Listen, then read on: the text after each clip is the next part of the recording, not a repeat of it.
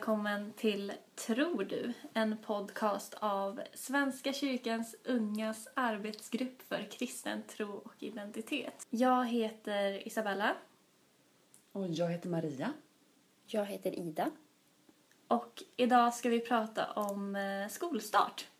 Och vad lägger vi i skolstart? Är skolstart någonting positivt eller är det negativt? Vad är det för sorts känsla i skolstart? Det kan vara väldigt mycket både och. Jag tänker ofta skolstarten att den, är, den har ju så... Man tänker verkligen på hösten. Många när man börjar plugga på universitet så kanske terminen börjar lika mycket i januari som den gör på hösten med någonting nytt. Men ändå skolstart är den här höstkänslan med att nu är allting nytt och nu kör vi igång med det här nya och man ska komma igång med plugget mycket bättre än vad man gjorde förra terminen och man har liksom höstlöften och sådär. Man köper nya skolböcker Ja. och nya skrivböcker och ja, man organiserar upp sitt liv. Liksom. Det märks ju väldigt mycket i affärerna också att just nu inför skolstarten så är det så back to school-mode liksom och alla ska köpa ryggsäckar och pennskrin liksom. Den känslan försvinner aldrig, den kan jag fortfarande ha fast det var väldigt länge sedan som jag gick i skolan. Men ni har ju, som är mycket yngre än jag, ni har ju mer nyligen den här erfarenheten av att ha brutit upp och liksom börjat på nytt. Att man flyttar till ett nytt ställe för att plugga eller man flyttar hemifrån. Hur, hur är det? Jag tyckte det var jättespännande att flytta hemifrån. Jag var sån hela högstadiet och gymnasiet så tyckte jag skolan var rätt så pest. Inte själva plugget kanske men liksom sammanhanget och skolan i sig. Det var så att snart får jag flytta till Uppsala och börja plugga på universitet. Det var liksom drömmen. Sen när det verkligen hände att man faktiskt fick flytta hemifrån och fick tag på det där rummet någonstans långt bort från stan. Man fick flytta hem eller flytta dit. Så var det jättespännande allting. Men det var ju mycket det här också att man hamnade i ett helt nytt sammanhang. Plötsligt så hade man inga kompisar riktigt. Man visste inte vem man kunde ringa för att ta den där liksom, fikan som inte var så himla uppstyltad för att man kände varandra så himla bra från början. Och det var ju också ganska läskigt. Att verkligen vakna upp där i sin nya säng, i sitt nya rum och verkligen så, oj, nu är jag här ensam. Men väldigt mycket frihetskänsla i det. Men du, började, du började ju läsa i samma stad som du bodde. Mm. Hur var det? Eh, jag började ju plugga på KTH där jag pluggar ehm, när jag bodde hemma fortfarande. Eh, och då, jag hade ju liksom redan mitt sammanhang och alla mina kompisar och ehm, så jag hade aldrig den där känslan av att liksom verkligen börja på nytt snarare än att det var liksom en ny skola man gick till. Fast i våras flyttade jag hemifrån eh, och då blev det lite den där men, så här läskig frihetskänsla på något sätt. Särskilt eftersom att det var inte mitt val att flytta heller. Jag var liksom tvungen. Och då när man vaknar där i sitt korridorsrum och enda möbeln man har i en säng och väggarna är kala och allt ekar. Då, då längtade jag faktiskt hem igen. Även fast man längtat bort sedan man var typ 14 och ett halvt. Det var en konstig känsla. När jag flyttade hemifrån första gången, det var lite dramatiskt på det sättet att eh, jag fick ett stipendium efter gymnasiet att åka till USA och plugga på college ett år. Så att jag kommer fortfarande ihåg den här känslan. Jag var jättepeppad innan, tyckte vad kul det ska bli. Eh, och det var inte förrän jag klev av på flygplatsen i Chicago i augusti när det var jättevarmt och jättefuktigt. Det kändes som någon hade slängt en blöt varm filt över mig när jag klev ut. Och jag insåg plötsligt jag är i ett helt nytt land. Jag känner ingen människa. Familjen är jättelångt borta. Jag är helt ensam. Jag får panik. Så det var en ganska jobbig omställning det där att eh, inse plötsligt hur mycket jag hade som varit beroende av att ha familj och vänner omkring mig fast jag inte hade tänkt på dem. Eh, och plötsligt så kände jag som att jag hade liksom skurit av alla kopplingar till verkligheten och var helt ensam. Men det var jättespännande men det var ganska obehagligt också så jag insåg att under den här tiden att även sånt som man har längtat efter och tyckt att det här ska bli jätteroligt kan vara ganska jobbigt när man väl ska igenom det. En sak jag tyckte, eller jag tycker fortfarande att det är jobbigt, det är det här med att eh, jag hamnar så långt bort ifrån min hemförsamling.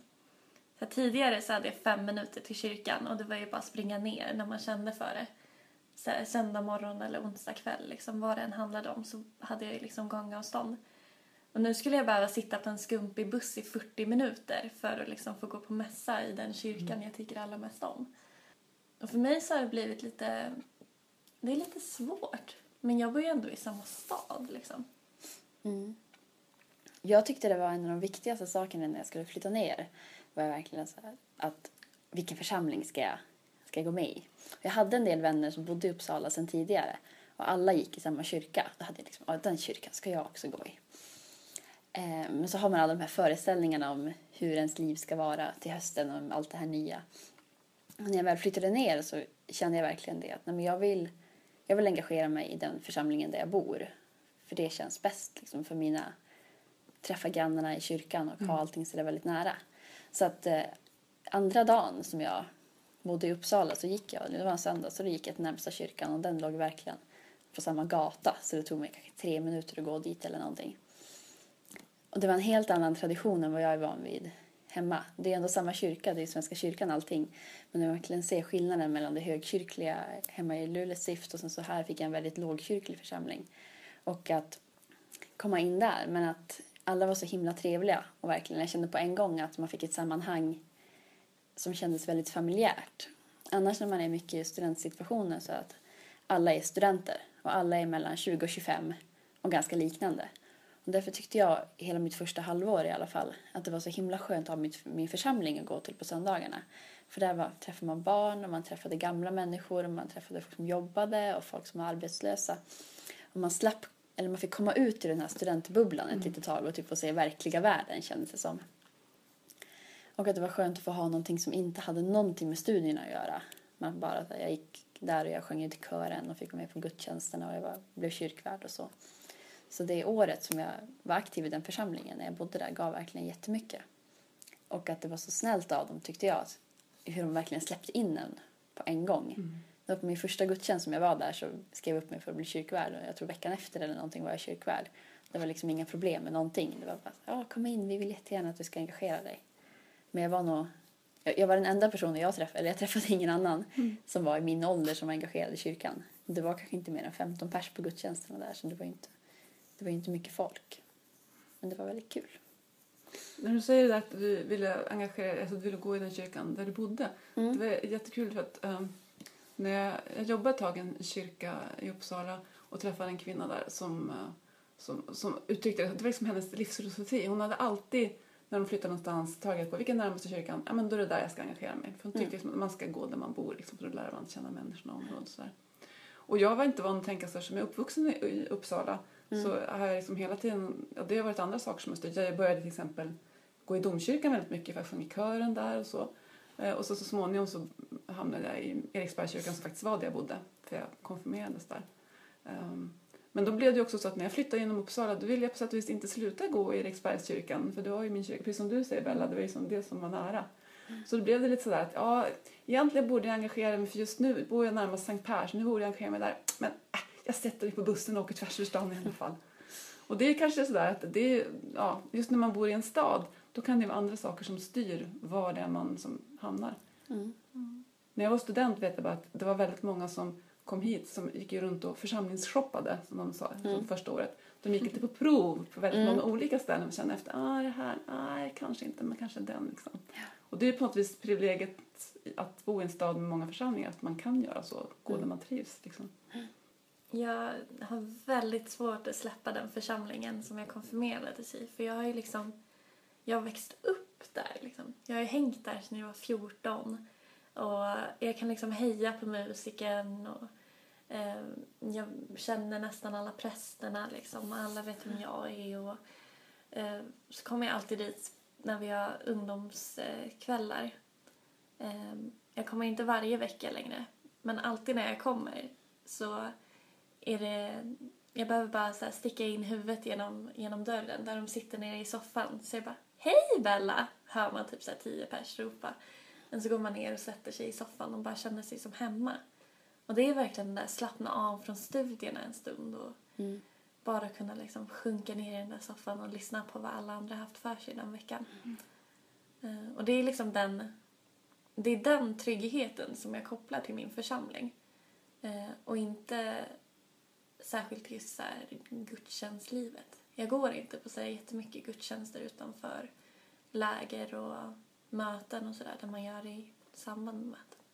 Utan jag gillar andakter mer.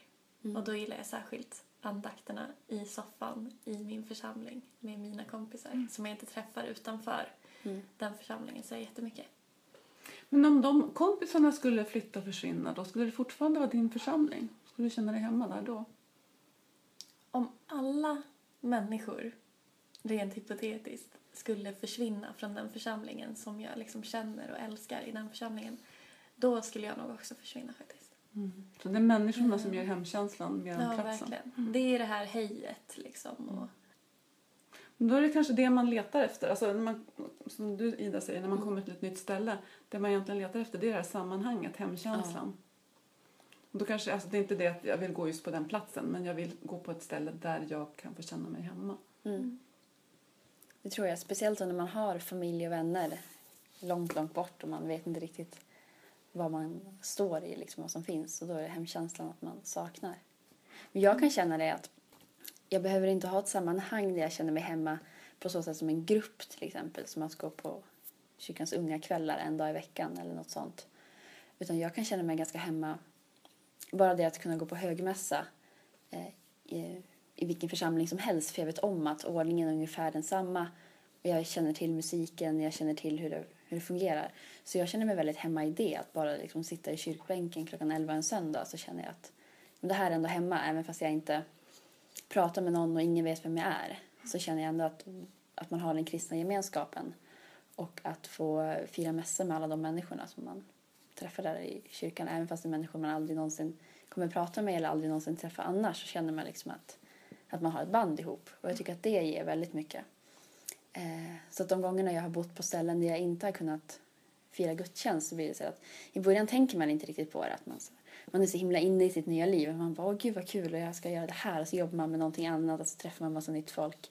Men sen efter ett tag så börjar i alla fall jag känna så oj men nu borde jag verkligen gå i gudstjänst för det var så himla länge sedan. Och då är det verkligen det jag kan sakna. Att liksom, en klassisk högmässa. Det är intressant, för det är på något vis det är kyrkan som kyrka som är hemma. Det är inte egentligen platsen eller människorna. Nej, det är någonting annat. Precis. Jag kom på en annan grej som bidrar till eh, hemkänslan. Och det är att i min församling där jag är aktiv så tvekar jag aldrig inför att gå in i köket, ta en kopp kaffe och rota igenom skåpen efter kakor. Mm. Det är verkligen så, jag känner det köket bättre än mitt eget typ. Och just den känslan att här är, att man liksom bara är så här, välkommen in. Mm. Mm. Ett andra hem liksom. Ja. Mm. Och det där tycker jag är jätteintressant för det, det är så, alltså ingen kan ju tala om för någon annan det här är ditt hem, det här är inte ditt hem. Och det är så subjek- subjektivt att den här hemkänslan man bär med sig. För det hände, jag hade inte varit i Eriksbergskyrkan på några år för jag hade jobbat i en annan kyrka och så började jag gå där igen. Och då kommer jag ihåg att jag, alltså jag kände mig som hemma. Allting var ju som bekant för mig. Men då var hon som var kyrkvärd där, hon, var väl, hon hade kanske varit kyrkvärd där, under, blivit kyrkvärd under de åren som jag hade varit borta. Så när jag kom dit, jag började, började prata med henne som att tralala, liksom, du och jag, vi, vi är på samma ställe, vi känner varandra. Hon bara, men vem är du? Liksom, var kommer du ifrån? är du ny? Har du just flyttat hit? Jag, bara, Nej, men jag har ju vuxit upp i den här kyrkan. Så den här känslan som jag hade på insidan, den, ja, det visste inte hon om. Och jag tänkte ibland när jag, också när jag var anställd i en kyrka, ibland kan man ju som anställd kan man ju känna att det här är min kyrka för jag jobbar här. Men man måste på något vis ändå dela den med alla människor som känner att det är hemma på ett annat sätt för att jag är engagerad här eller för att jag går där. Och hur man måste liksom respektera varandras hemkänslor, vad de än grundar Mm. sig på. Det är inte så, ibland kommer de ju i konflikt med varandra. Du får inte gå här i mina skåp och ta mina kakor. Isabella, det är jag, det är mitt kök. Jag tänker också på det här med kakor, för det var en av de finaste sakerna jag tyckte med, min, med den första församlingen i Uppsala. Eh, För jag tål inte gluten. Och då var det så här, på första kyrkkaffet var det så här, nej men oj, du kan inte äta fikat. Och sen bara veckan efter så hade husmor varit och köpt glutenfria kakor bara till mig. Och sen dess visste jag alltid vart de fanns i köket. Så även fast jag kände ju ingen där, jag var inte uppvuxen där, så var det så himla naturligt att, att jag kunde gå in och hämta mina kakor när jag ville ha dem. Liksom att det var ingen större grej. Och sen dess så har jag, liksom, har jag bott i lite andra församlingar och gått på andra gudstjänster. Men där har de aldrig haft glutenfritt fika. Och där har varit så här, man bara, men nu har jag varit här jättemycket. Varje gång så, Frågar du så det? frågar jag efter det och så sitter alla andra och fikar och så får jag dricka kaffe. Och det blir som, visst det är ju gott också, men man saknar liksom den gemenskapen. Och hur, att man verkligen känner sig hemma när det känns som att någon annan människa verkligen tar hänsyn till en och liksom hjälper en med det man behöver. Det är ett sätt att, att bli sedd också. Att någon lyssnar, Verkligen. lyssnar på ens behov och tar hänsyn till dem. Det är som eh, en av pedagogerna i min församling, min fina församling. Eh, hon, eh, eh, hon frågade mig vilket mitt favoritte var. Eh, jag kommer inte ihåg varför. Men sen sa jag att det var ett grönt mullbärste. Det var väldigt sällsynt och jag hade bara sett det i typ två, eh, typ på två affärer i hela Stockholm. Några veckor senare så kommer hon så stolt och glad och har ett paket av mitt gröna mullbärste. Då har hon liksom letat igenom eh, alla affärer hon har varit på efter det där teet. Och så har hon köpt mitt favoritte bara till mig. Och hon hade det till och med på sitt kontor så att ingen annan skulle råka ta det. och sen när, eh, när jag inte hade varit där på ett tag sa hon att det är lika bra att du tar hem det här paketet. För det är ju ditt te. Om du inte kommer hit och dricker det kan du ju dricka det hemma istället. Ja, det, det är personligt. Det är väldigt personligt och väldigt fint tycker jag. Ja. Men jag tänker, din överflyttning Ida verkar ändå ha gått hyfsat smidigt. Eller menar, du hittade i alla fall någonstans Ja. när du kom ny. Men jag vet att jag jobbade ett tag i en kyrka som var väldigt mycket en studentkyrka. Och då märkte jag att det kom väldigt mycket folk från andra delar av landet som hade varit väldigt engagerade och som kom då med en förväntan på sig att eh, de, du ska nog bli engagerad igen eller jag borde nog engagera mig igen. Men som samtidigt när de då flyttade till Uppsala så kände de plötsligt nej men vad skönt det vore att inte engagera sig liksom, och tog ett steg tillbaka och sa att nej men jag ska nog inte bli ledare eller jag ska nog inte bara gå här och så. Att det blev på något vis eh, en, ja, ett tillfälle när de inte automatiskt kunde liksom överflytta sitt engagemang från det gamla stället till det nya stället. De tog som ett steg tillbaka och funderade, men vill jag det här eller vad, vad vill jag egentligen? Så det blev en slags omvärderingsperiod eh, för dem. Och några hittade nog som kom tillbaks sen efter ett tag. Men andra liksom, de gled iväg och försvann. Jag vet ju inte om de kanske hittade gemenskap någon annanstans. Men det var liksom en så här lite krisperiod. eller Ja, inte vet jag. Men de upplevde det som att det var någonting nytt. Och då behövde de inte göra allting som det hade varit förut. Liksom. Och det tror jag kan vara en bra grej, det här att man hela tiden ifrågasätter varför man gör någonting. Är jag engagerad för att folk vill att jag ska vara engagerad? Är jag engagerad i kyrkan för att jag är uppvuxen i kyrkan? Eller för att alla mina kompisar är där? Eller för att jag verkligen vill det själv? Och då tror jag att man ska alltid acceptera de, eh, de stunderna i ens liv när man inte har orken att vara engagerad eller inte vill. Att det kan vara så att okej, nu har jag flyttat, det är så himla mycket nytt här. Jag känner inte att jag klarar av att sätta mig in i en helt ny grupp. Det bara det här att komma in i en grupp kan vara svårt ibland. Och då kan man ju ta en paus och liksom säga det. Okej, nu, är det mitt, nu ser mitt liv ut så här. Nu är jag kanske inte i kyrkan någon gång på två år. Men att det får vara okej det också. Att man får, då får man utveckla andra delar av sitt liv. Och jag tycker det kan vara lika mycket kristet i sig. Och att man får kanske tillfälle att blicka mer inåt. Vad är det verkligen för någonting jag tror på? Var, hur vill jag leva mitt liv? Vad är kristet för mig? Eller hur ser min relation ut till Gud? Och att man inte alltid behöver göra det i en församlingsgemenskap. Utan att man kan stärka sig själv på andra sätt och vis.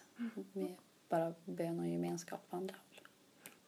Men När jag pluggade till eh, församlingspedagog så läste vi en teori om trosutveckling, alltså hur människors tro brukar utvecklas av en eh, religionspsykolog som heter James Fowler. Och jag tyckte den var så intressant för att han beskrev väldigt tydligt saker som jag tyckte jag hade upplevt och sett andra gå igenom.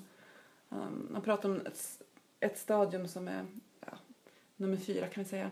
Eh, som väldigt många mm, betyder väldigt mycket, ofta för folk i tonåren. Just att man hittar en gemenskap där man har sin tro. Och det är väldigt vik- viktigt att man tycker och tänker lika och man som speglar sig i varandra och man beundrar samma förebilder. Och, och det som, man får väldigt mycket tillbaka. Man ser sig själv liksom genom, och sin egen tro genom de andra. Um, men att de flesta människor Ehm, bli kvar på det stadiet därför att det, det, man får så mycket ur, ur, ur det här, man blir så stark liksom, i, i gemenskapen så att det finns väldigt mycket som binder en kvar där. Men att nästa stadium, det var liksom ett helt annat, det handlade om liksom den individuella tron. Och han beskrev det som att många går in i det i 20-årsåldern när de bryter upp av olika skäl då från sin hemförsamling och flyttar. Um, och det kan leda åt två håll. Antingen så blir det så att man kommer bort från den här gemenskapen och då, precis som du beskriver Ida, så börjar man liksom tänka, men vad är min tro egentligen? Och, och vad, vad tänker och tycker jag?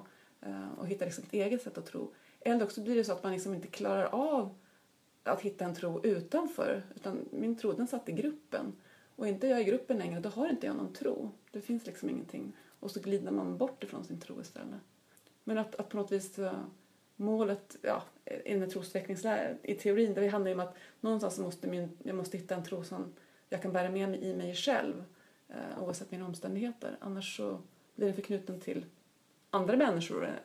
Då blir den mycket mer sårbar. Ja, verkligen. Och jag ibland tänker att det kanske är det som är Svenska kyrkans ungas liksom, både styrka och svaghet, att vi är så bra på att bygga sån här gruppgemenskap så att människors tro blir knuten till den starka gemenskapen. Och då kanske vi på sätt och vis har gjort det svårt att ha en egen individuell tro uh, om den sitter så mycket fast i gemenskapen. Jag tror att min tro, typ växt, min tro väcktes eh, i eh, ungdomsgruppen eh, i församlingen.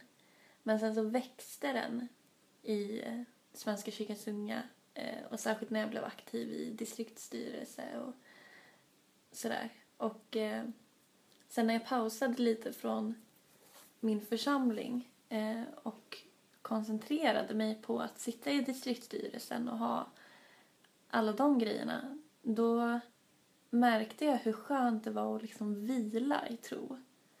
Jag tycker ofta att det är en väldigt maffig upplevelse att vara på en högmässa i en kyrka mm. och liksom få dela nattvard med massa andra människor. Eh, så för mig så är det lite av julafton och jag klarar inte av julafton en gång i veckan. Utan jag föredrar det typ eh, en gång i kvartalet kanske. Och däremellan så har jag mer min personliga eh, tro med att jag brukar läsa några kapitel i Bibeln varje kväll och det är mer ett pågående samtal mm. i mitt huvud och i min kropp mellan mig och Gud. Liksom. Och det... Jag tyckte att det var väldigt skönt att liksom landa i det. Att mm. vänta lite, jag kan faktiskt vara kristen ändå. Mm. Fastän jag inte är i en kyrkbänk. Jag tänker att det, för mig så, det är så tydligt att det finns liksom en, en inbyggd konflikt i det här. För att å ena sidan så vill vi att människor ska ha en egen tro som är deras och som de bär med sig oavsett var de hamnar någonstans och vad som händer i deras liv. Å andra sidan så vill vi att folk ska komma till högmässan. Det är liksom det som är målet. Hög, liksom, en, en, hög procent i gudstjänstdeltagande i högmässan, det är det som är liksom målet för kyrkan. Eh, och så ibland så känner jag att vi drar lite grann, vi vet inte riktigt vilket ben vi ska stå på. Vi vill att de ska komma till gudstjänsten, vi vill att de ska vara med i alla grupper och alla med, vara engagerade i all verksamhet. Men egentligen är det inte det som är, det är inget självändamål utan det ska ju vara någonting som som gör att individens tro får växa och utvecklas, så att min relation till Gud på något vis uppehålls och blir starkare. Men det, det är också det här med att vi behöver varandra.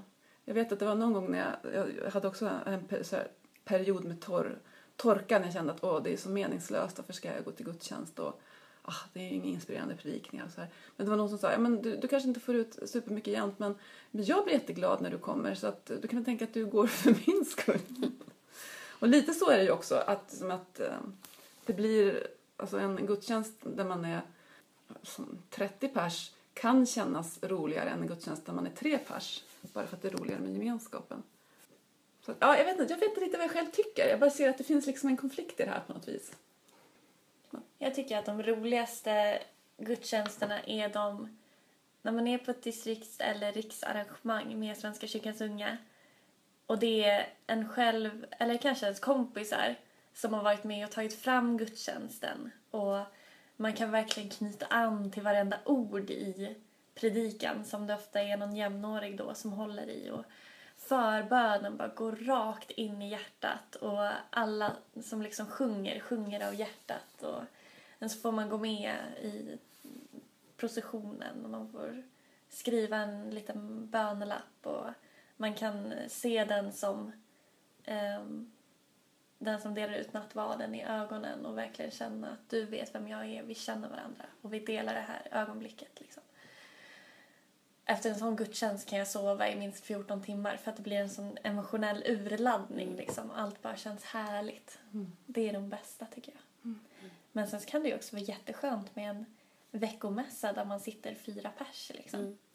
Och allt är väldigt liksom lågmält och stilla och man kan vila i sina tankar. Och gärna om så här, utrymmet för egen bön och reflektion får ta lite mera tid. Mm.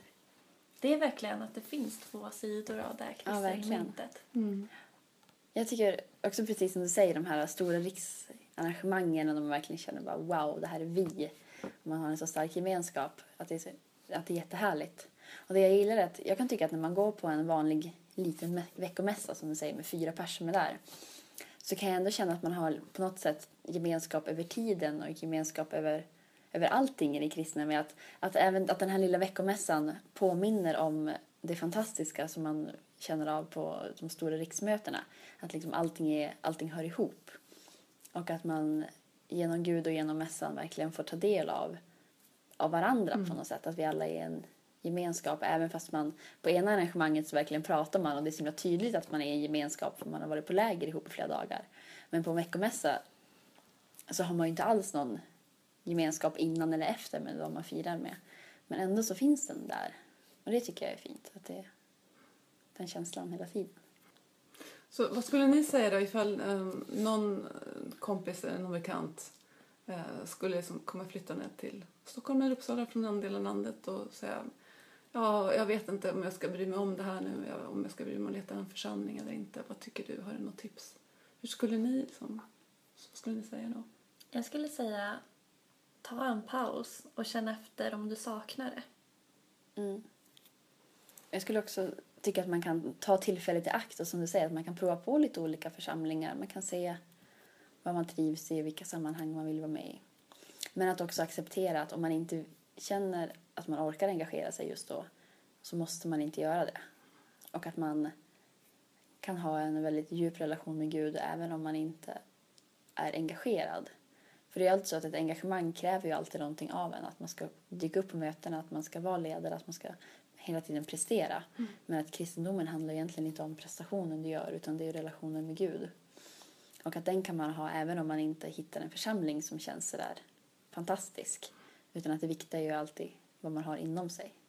Så om man, om man längtar efter gudstjänst och verkligen vill gå i gudstjänst då skulle jag nog också säga att man kan liksom åka och men shoppa församling. Liksom. Att man kan åka runt och testa olika. Men om man inte längtar efter det på samma sätt då tror jag att det kan förstöra mer än vad det kan bygga upp. Att då tvångsmässigt leta efter en, en högmässa som ska fylla som, som man liksom ska längta efter att gå till fast man inte gör det egentligen.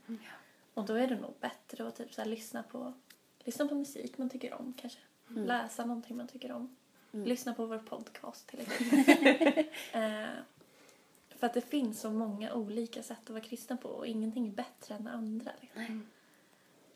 Just när man är i en ny stad så är det så himla mycket intryck och allting.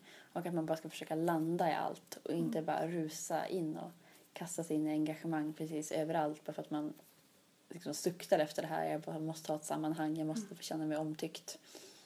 Utan att man kan liksom chilla lite i början. Alltså ta det lite långsamt och förstå att, att det tar ju tid att bygga upp relationer. Så även om det är läskigt att gå till föreläsningarna första dagarna, man vet inte vem man ska sitta med och sådär. Så är det alltid så bra just, just studentstäder som Uppsala och typ Lund. Att man vet om att alla är precis lika ensamma. Så att man kan gå fram och säga hej till vem som helst och så vet man om att den personen kommer liksom bara vilja klänga sig fast vid dig. För bara, åh, och nu har, vi, nu har vi ett gemenskap här, nu är vi tillsammans resten av dagen. För att alla är så himla ensamma. Och alla vill verkligen bygga upp den här familjekänslan fast med sina kompisar. Så därför behöver man inte vara så himla rädd tycker jag att när man ska börja något nytt för att det kommer nog lösa sig i och med att alla andra känner precis likadant. Och för den som stannar kvar i samma stad fast kanske byter skola eh, så kan jag tipsa om att man kan aldrig få för många kompisar. Och det är bra att lära känna några under skoltid också även fast man redan har ett sammanhang på fritiden och känner att man klarar sig så är det mycket roligare att gå till skolan om det finns någon som håller en plats åt en i föreläsningssalen och någon som kan passa ens grejer medan man värmer matlådan. Liksom. Det blir mycket roligare då. Och då kanske man kan hjälpa någon, någon stackars ensam krake också. Ja. Ja, Det är roligt att du säger det, för att jag är ju uppvuxen i Uppsala och började plugga på universitetet här. Så jag, jag bodde hemma första året, sen så flyttade jag hemifrån.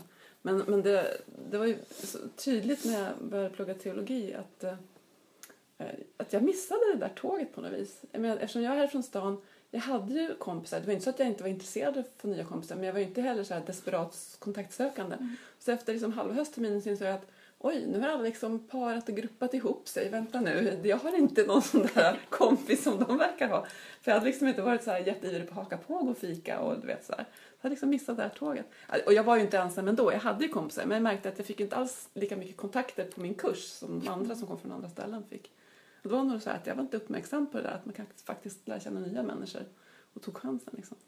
Jag hade faktiskt också det eh, problemet, eller vad man nu ska säga, i eh, höstas när jag började på min nya utbildning. Att jag missade liksom den där dagen då alla andra valde Mm. på något sätt. Eh, men då löste jag det genom att jag, jag gick fram till en, en tjej som jag tyckte verkade snäll och som jag gärna ville bli kompis med och så sa jag det. Vi liksom åt lunch tillsammans och så sa jag det att jag har liksom inte grupperat ihop mig med några. Men jag tycker att du och de som du umgås med verkar trevliga och snälla och jag skulle gärna vilja umgås med er också. Om ni skulle kunna tänka er att umgås med mig, ungefär. Eh, det var nästan som att jag frågade chans på en kompis. Kontaktannons. Eh, men det gick faktiskt väldigt bra. Och jag fick till och med vara med i deras lilla sms-grupp typ. Så att jag också fick deras meddelanden. Och så började de hålla platser till mig på föreläsningarna och sådär. Och det blev faktiskt bättre. Mm. Så det är helt okej att fråga chans på en kompis om man tycker ser snäll ut. Gör det. Mm.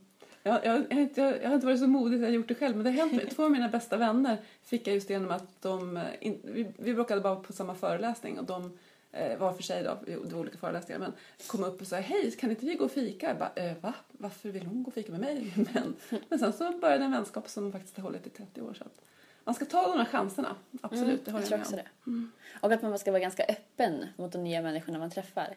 Jag kommer ihåg första skoldagen eh, när jag flyttade till Uppsala så satt jag bredvid en tjej, vi satt och åt och pratade. Och så tänkte jag så här, men herregud, hon pratar ju bara om sig själv. liksom. Ehm, jag tänkte så här, "Ah, ja, jag får väl stå ut med det ett tag. Eh, och som det är nu så är hon en av mina absolut bästa vänner. Och det är ju så att när man är precis i början i ett nytt sammanhang, hon var något år yngre än alla andra, så är det klart att man är nervös. Vad ska man prata om? Man, man känner ju sig själv, det kan man ju alltid prata om sig själv i alla fall. Och att man, att man, är, att man är öppen mot nya människor och känner så här, ja men hon kanske blir lite bättre med tiden. Och så blev hon verkligen det och nu är vi jättebra kompisar. När man har mer landat i sig själv, i det här nya. Och att man kanske ska vara öppen för de aktiviteterna som är också. Jag kände lite grann mitt första år så var jag så där under insparkningen, insparken så var jag så här, nej men det här, jag tycker inte det här är kul att kluta. Jag tänker inte gå, jag stannar hemma istället. För då hade jag eh, en kompis hemifrån som var bodde hos mig också. Då hade, kunde jag vara med henne istället. Men sen så kände jag också så här, oj, men nu har jag missat så här, när alla andra pratar om det roliga som hände under insparken. Bara för att jag kände att det var inte min grej. Att man var så himla inne i någon slags bild av sig själv och hur man skulle vara. Så missar man det. Och så bytte jag utbildning. Så andra året så fick jag köra om det. Liksom göra om och göra rätt. Och då var jag med på allting. Även fast jag kände att här, jag tycker inte det är speciellt kul att bygga lådbil. Men när man gjorde det tillsammans med sin klass så var det såklart att man blev en tajt gäng efteråt. Och att så här, när man tänker tillbaka så var det då man faktiskt satte grunden till sina relationer. Så att jag tror att det är viktigt att man i början just bara så här, kör på liksom och inte tänk så mycket. Men Nu fick jag som en idé. Man kanske skulle köra med inspark i församlingen på hösten. Bygga lite lådbil och göra såna aktiviteter tillsammans. För det, det tar väldigt lång tid tycker jag att lära känna någon i församlingen. Just för att det finns så... Alltså det här kyrkfikat för söndagens gudstjänst det är typ det enda fasta liksom, Ja. sociala som finns om man inte är med i någon grupp. Och det är väldigt svårt att lära känna någon på 20 minuters fika liksom, i veckan. Verkligen. Eh, Man kommer ju aldrig så långt i samtalet då. Så att, eh, en sån här gemensam aktivitet Mm. kanske vore det som var lösningen på det problemet. Eller om man är 20 som går på gudstjänsten och det finns 20 kyrkbänkar så kanske man ska pröva att dela på 10 Vad säger du? någon gång. Ja, Ja. mm, precis. Så att man kan slå sig ner bredvid någon man har, kanske har pratat med på förra Mm. kyrkfikat. Och, Våga bygga lite grann på relationen. ja. Mm. Och speciellt då när man är lite yngre, så där i 20-årsåldern, så jag tycker ofta när man går i församling så är det kanske inte så jättemånga unga människor där i ens egen ålder. Och att man kanske vågar, alltså, man, man kan gå och sätta sig bredvid dem. Och har man suttit bredvid eller typ bakom någon i kyrkbänken så kan man ju alltid börja på fikat. Bara så att, åh du, jag satt, eh, vi satt nästan bredvid varandra. Hej, jag heter Ida. Så har man någonting att, att börja med i alla fall. Eller så här, låtsas fråga någonting. Att man kan fråga så här, "Ja, vad, Har du några glutenfria kakor? har du glutenfria kakor eller var, var ställer ni psalmböckerna? Fast egentligen har man sett dem men bara för så här. man, man får säga någonting så kanske man kan komma in mer sen. Jag har varit kyrkvärd eh, ett tag och det är något som vi återkommer till ibland just där. Hur ska man som kyrkvärd vara? Ska man, ska man gå på folk och säga hej och vill du komma och fika eller ska man liksom respektera att folk kanske vill vara i fred? För det är en jättesvår balansgång för att en del människor kan ju känna att de vill vara i fred när de kommer till kyrkan och andra bara längtar efter att någon ska se dem och uppmärksamma dem. Så att jag tycker man brottas, som kyrkvärd brottas jag lite grann med det där varje vecka så att ska jag gå fram och hälsa och hur personlig ska jag vara och ja, V- vem är det som skulle vilja att det kom fram till dem idag? Men då är det jättebra om man själv är så frimodig så man kan signalera liksom, hej, jag, jag är intresserad av att prata. Ja. Jag tycker man ofta kan se det i sammanhang man verkligen ställer sig in på att spana av hur, hur folk beter sig. Att man kan se de som sätter på sig jackan lite långsammare och liksom bara står och kollar sig runt omkring som att de skulle vilja komma in men de vågar inte riktigt. Och så finns det de som bara sitter på dörren och liksom springer ut så fort klockorna ringer. Att man är liksom helt så här, nu är det klart. Mm, precis, nu vill jag hem. Mm. Jag tycker det som har varit positivt med kyrkan för mig det har varit också just det här som ni har sagt bägge två, det att det har blivit lite som ett andra hem. Um, att jag kan känna att det är en plats där jag, dit jag kan gå, där jag känner att jag är välkommen. Så, och då tänker jag, jag hoppas att jag kan ta med mig den känslan även om jag skulle flytta någon helt annanstans. Att det skulle vara liksom en, en sån, sån positiv förväntan att ja men där finns ju Svenska kyrkan, ja men då går jag dit, det blir säkert bra. Liksom. Ja, men, då, ja, jag tycker när kyrkan är som bäst då kan den fungera som ett andra hem för mig och för andra. Svenska kyrkan finns ju eh, utomlands också. Eh, genom Svenska kyrkan i utlandet. Och vissa som jag har pratat med som eh, inte alls har haft någon eh, liksom relation till kyrkan först. De fick det när de flyttade utomlands. Just för att på, eller liksom i Svenska kyrkan där kan man typ köpa kaviar och djungelvrål och det finns någon som man kan prata svenska med och de vet hur man gör kaffe ordentligt liksom. Och det blir liksom en, en paus i allt det här nya i ett nytt land. Att man kan landa i en, eh, i en stol och det känns som att liksom komma hem till Sverige.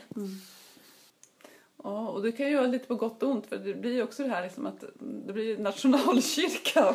det är som det är svenska i Svenska kyrkan som är fint. Men jag förstår precis vad du menar. Och det är som folk brukar kritisera att invandrare ska alltid bo i samma område. Men så är ju svenskar som flyttar utomlands också. Alltså man söker sig det där man känner sig hemma eller de man känner sig hemma med. Så det, det, det är ganska fantastiskt om kyrkan kan vara, fungera som en sån plats då. För människor som behöver lite mer hemkänsla. Det kan ju vara också att om man har det eh, lite jobbigt i skolan. Om man inte, om man inte har hittat någon kompis och, eller om man känner sig utstött och liksom un, utanför i skolan. Då är det ju extra viktigt kan jag känna att man kanske kan hitta om man längtar efter en gemenskap att kyrkan kan vara den gemenskapen. Att man liksom kan våga gå dit och visa vem man är fastän man har blivit utstött tidigare när man har försökt göra det.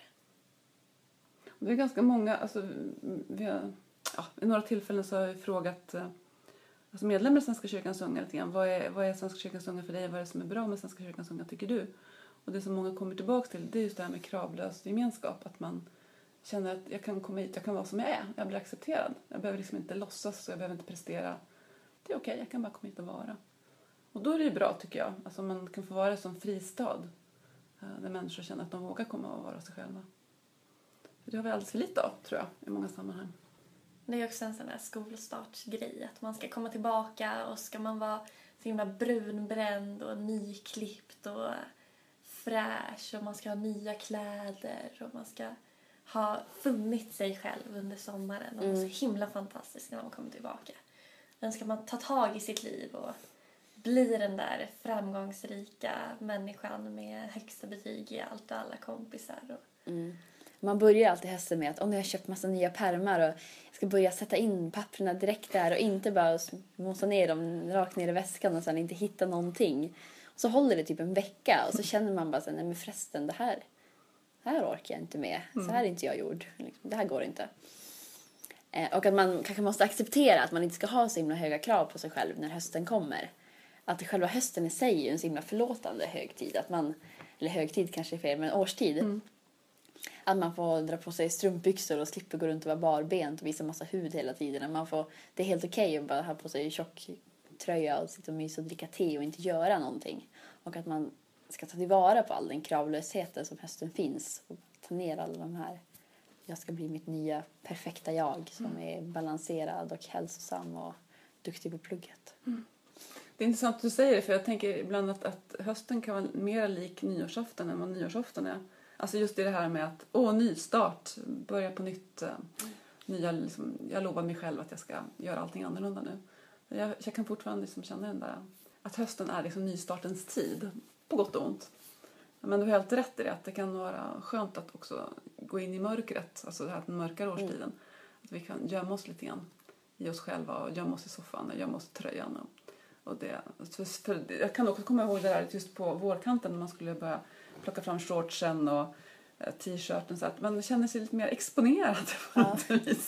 på sommaren eh, på flera sätt. Så att, eh, ja, det kan vara skönt med hösten.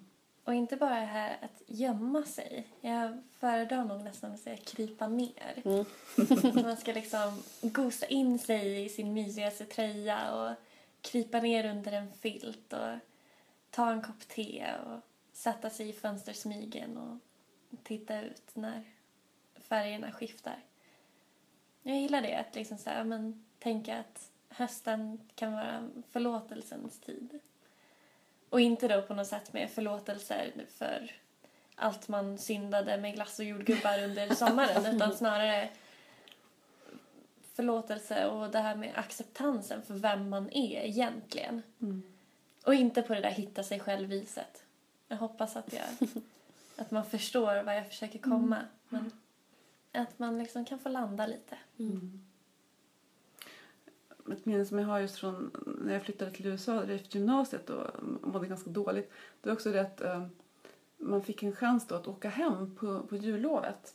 Eh, och de flesta av mina kompisar de passade en ställe på att använda det här resestipendiet för att åka runt i USA. Men jag hade ju också haft så himla mycket hemlängtan ja, men jag vill åka hem på jullovet. Men det intressanta var att när jag kom hem eh, och hade, ja, då upptäckte jag ju att jag mådde egentligen inte bättre där. För att alltså den där liksom, krisen som jag satt, satt igång med att flytta hemifrån, den fortsatte. För det handlar ju på något vis om uppbrott överhuvudtaget. Jag visste att jag kommer ju inte att bo hemma för alltid och mina föräldrar kommer inte att ta hand om mig för alltid utan jag måste hitta min egen väg. Och det var någonstans där som jag började må bättre för då insåg jag på något vis att det är inte bara att när jag är hemma som jag mår bra utan hemma det är någonting som jag måste hitta i mig själv och bära med mig var jag än är någonstans. Och när jag har hemma i mig själv då kan jag må bra vad som helst. Alltså då kan jag hitta människor som jag känner mig hemma med var som helst.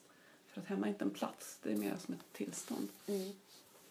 Och det handlar också mycket om att komma till rätta med att acceptera sig själv som man är. Liksom, att man duger och det kommer nog bli bra. Liksom. Just det här ordet hem fastnar jag lite på.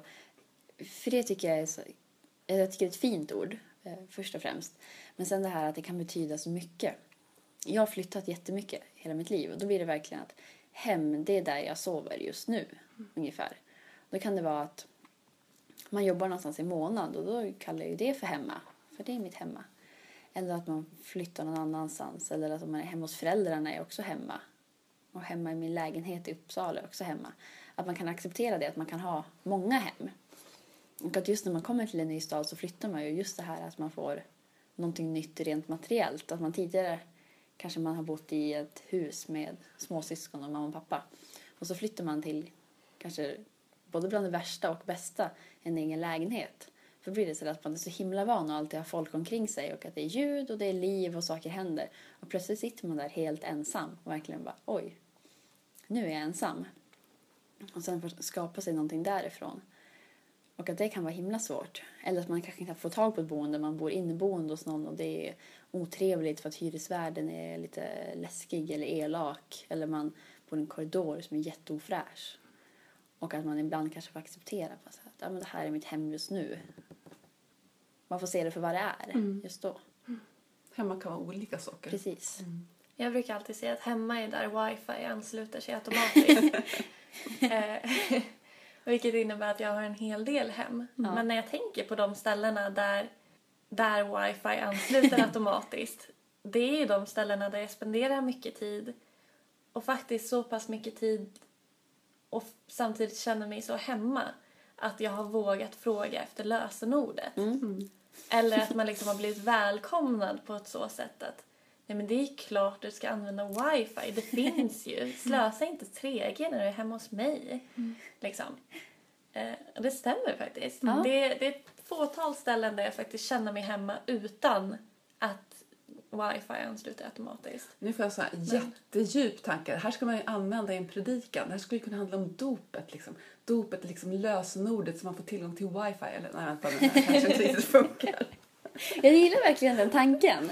När du säger det så tänker jag också så här att ja, ja men det stämmer att där det kopplar på, det är hemma. Då har man kommit på insidan på ett sätt. Mm. Då får man bara akta sig lite för om man har så automatisk uppkoppling till så SJs eh, stationer, typ om man sitter på tåg ofta. Och sådana grejer. Fast det kan man ju också göra. Man kan ju känna sig hemma på tåg. Ja. Mm.